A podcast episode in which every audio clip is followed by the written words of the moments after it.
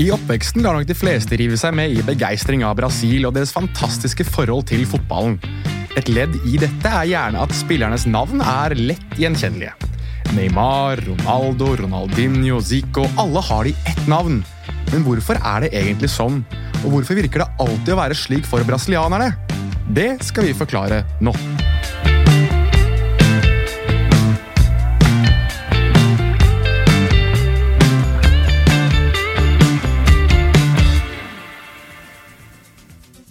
Det er noe helt eget å lese gamle brasilianske lagoppstillinger fra VM-sluttspill, der motstanderne gjerne har flere vokaler, fornavn og etternavn og et hav av bokstaver, så er brasilianerne noe mer lettbeinte, kjappe og sjarmerende.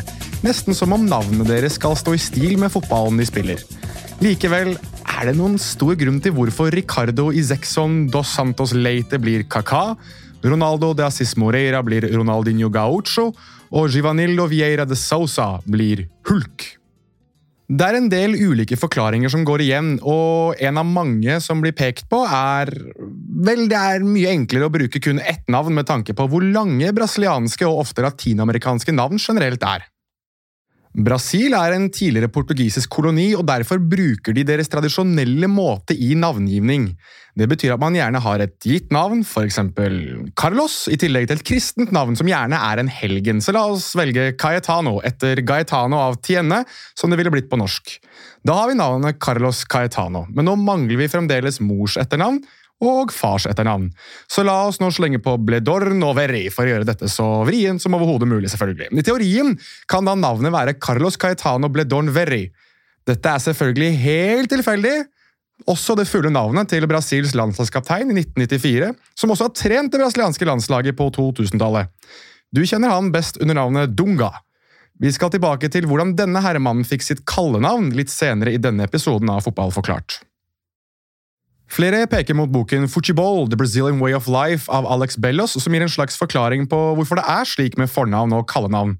I boken hevdes det at brasiliansk fotball er en internasjonal reklame for det brasilianske livets hjertelighet grunnet navnene som brukes.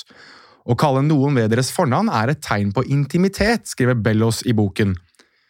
Dette støttes opp av Liris Weidemann, som i 2010 uttalte seg til den engelske avisen The Telegraph. Hun, som er fra Porto Alegre i Brasil, jobbet da som leder for portugisiskopplæringen ved Stanford University i USA. Vi bruker ikke etternavn, sa hun. Det reflekterer en del av kulturen som er mer personlig. Vi bryr oss mer om personen, og personen er ikke familienavnet sitt. Det er snakk om hvem de er, forklarte hun. I en lengre artikkel for Yahoo Sports skriver journalisten Julia El Baba at man ofte også ser preposisjonene da, de, do, das og dos i lengre brasilianske navn. I hennes artikkel hevdes det at dette fort stammer fra imperialismen og indikerer navn gitt til slaver. Samtlige av disse preposisjonene betyr av på norsk og vil da indikere hvem man tilhørte. Et konkret eksempel brukt i artikkelen er da Silva, som da ville betø at man tilhørte Silva. Hvorvidt dette stemmer eller ei, virker det vanskelig å finne et helt konkluderende svar på, men det er en teori som kanskje vil forklare hvorfor etternavn ikke alltid er like hyppig brukt.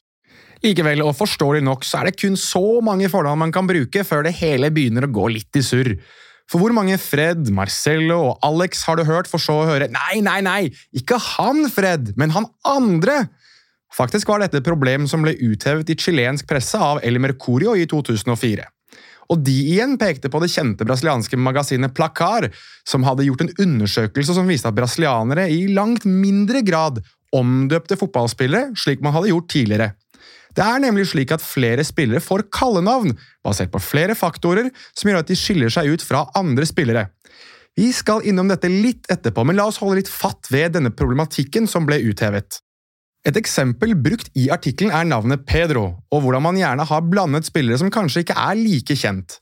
En måte å ha kommet rundt dette problemet på, er å legge på et suffiks, altså en annen endelse som gjerne har en grammatisk funksjon. Ok, Vi skal ikke bli for tekniske her, for det er snakk om det du sikkert kjenner som injo-endingen.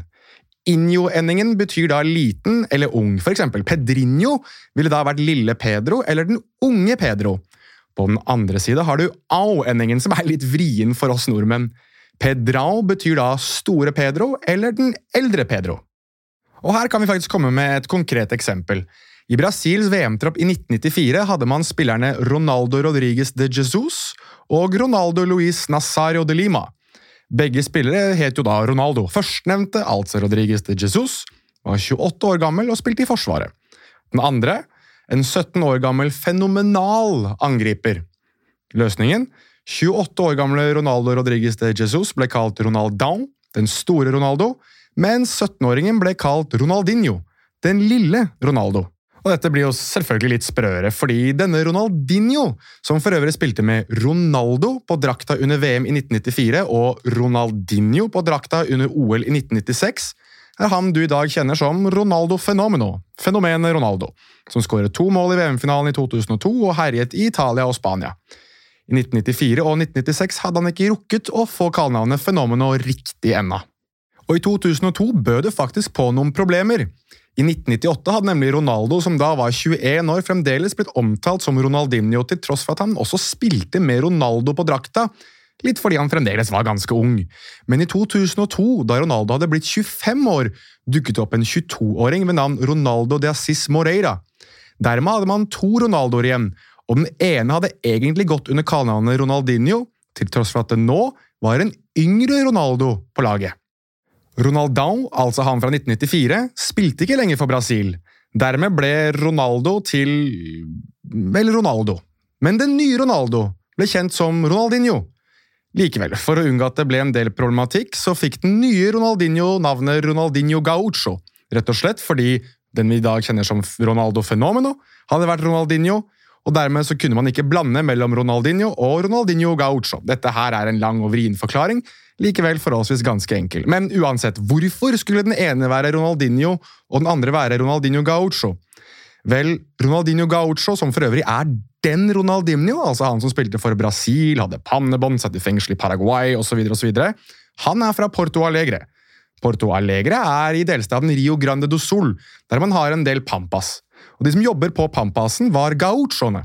Og Dermed er det også vanlig at man omtaler folk fra delstaten som gaucho, da dette er ganske særeget. Dermed betyr egentlig navnet Ronaldinho Gaucho den lille Ronaldo fra Rio Grande do Sul. Er dette enkelt? Egentlig er det personlig. Definitivt. Er det sjarmerende? Absolutt. Men vi finner også andre eksempler, f.eks. Juninho Paulista og Juninho Pernambucano, som begge var med i Brasils VM-tropp i 2002. Førstnevnte er fra Sao Paulo, der mennesker fra regionen omtales som paulistas, mens sistnevnte er fra Recife i delstaten Pernambuco. Dermed var dette måten å skille de to fra hverandre.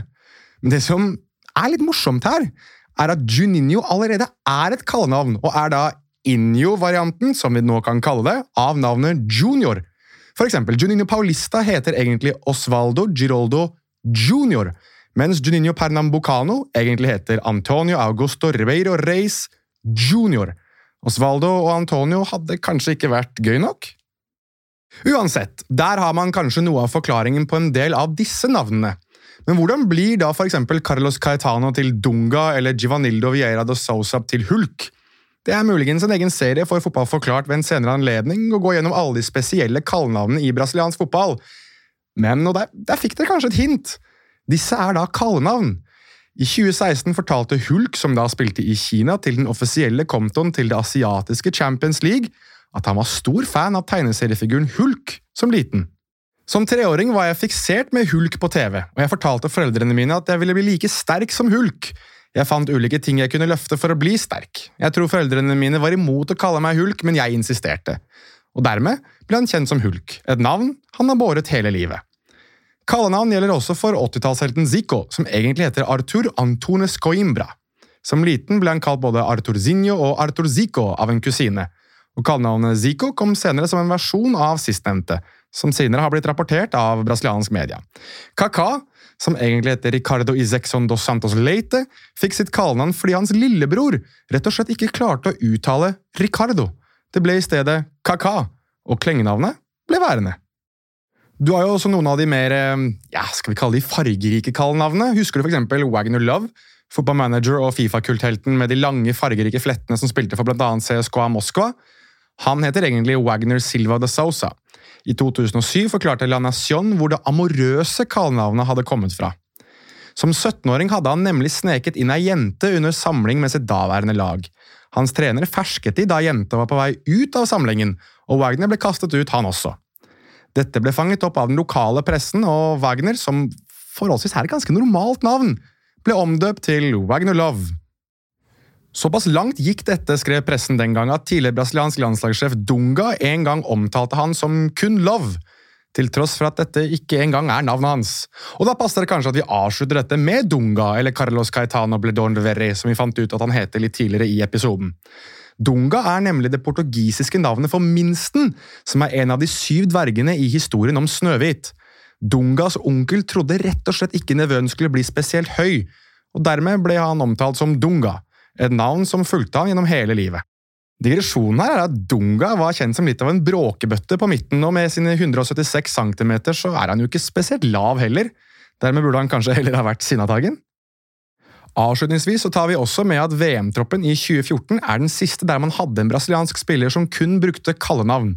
I 2018 og i 2022 brukte spillerne enten bare sine fornavn, fornavn og etternavn eller varianter av navnet sitt, som for eksempel Rafinha, som da selvfølgelig egentlig heter Rafael. Det gjorde at Marvio dos Anjos, redaktør i magasinet Og Globo, uttalte at den brasilianske fotballspillers kallenavn dør sakte som en konsekvens av at idretten er mer bedriftsstyrt og mindre freidig. For er det noe brasilianerne har vist både kulturelt og ikke minst i fotballen, er det at de kanskje er litt nedpå og rolige med ting som navn. Det skal være lettbeint, det skal være gøy, og det skal være grunn til å kanskje føle at man blir litt ekstra glad når man ser en brasilianer spille fotball. Og Mye av grunnen til dette er ikke bare driblingene og de vakre målene, men også navnene deres. Navn som du nå kanskje kjenner bakgrunnen til litt bedre enn før.